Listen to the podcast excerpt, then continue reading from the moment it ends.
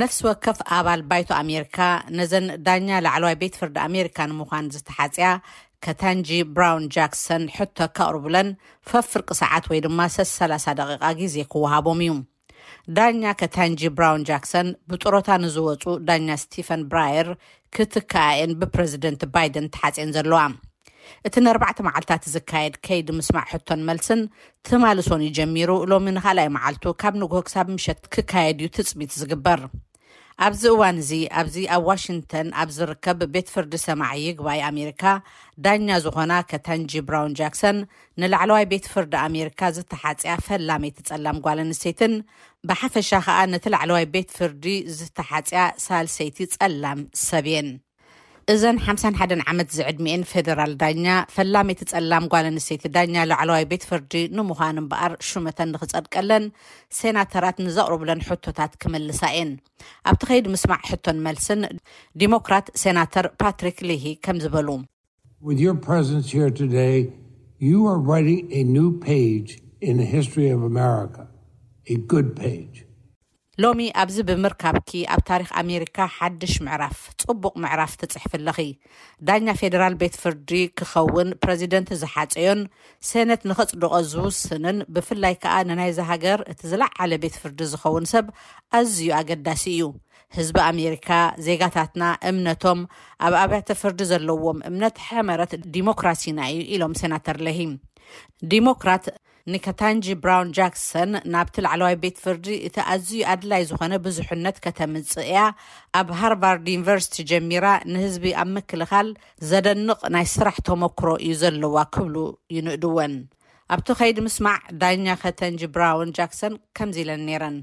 I will work productively to support and defend the Constitution. ንሕገ መንግስቲ ነቲ ንዝሓለፈ 246 ዓመታት እዚ ዘለቐ ግዙፍ ተመክሮ ዲሞክራሲ ኣሜሪካ ንምድጋፍን ንምክልኻልን ፍረ ዘለዎ ስራሕ ክሰርሐ ንዳርጋ ዓሰርተ ዓመት ዳኛ ኮይነ ኣገልጊለ እየ ነዚ ሓላፍነትን ግዴታን እዚ ብዘይገሊ ፀግዒ ምስራሕ ኣዝየ ብቁም ነገር እየ ዝወስዶ ኢለን ዳኛ ከታንጂ ብራውን ጃክሰን ሪፓብሊካውያን ከዓ ኣብ ዝሓለፈ ኣብ ኩባ ኣብ ጓንታናሞ በይ ተኣሲሮም ንዝነበሩ ወኪለን ሰሪሐን ስለ ዝነበራን ንገለ ኣንጻር ኣኽበርቲ ሕጊ ዝሃብኦ ውሳነታትን ብዝምልከት ስክፍታታት ኣለዎም።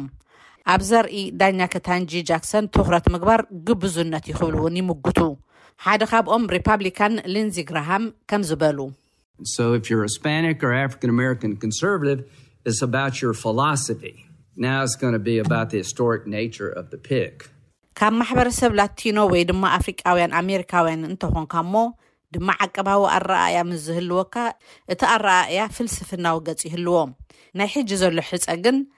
ኣብ ታሪኻዊ ድሕረ ባይታ ዝጠመተ እዩ።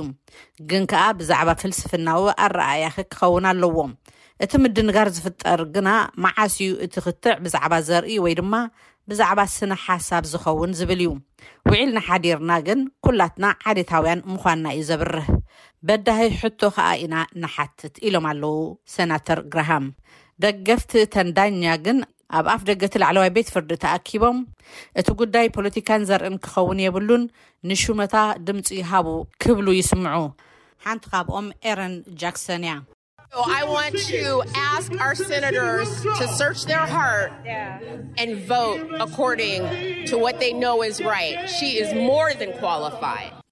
ሴኔተራትና ልቦም ክምርምሩን ብኡ መሰረት ከኣ ንቲ ቁኑዕ ዝበልዎ ድምጾም ክህቡን እየ ዝደሊ።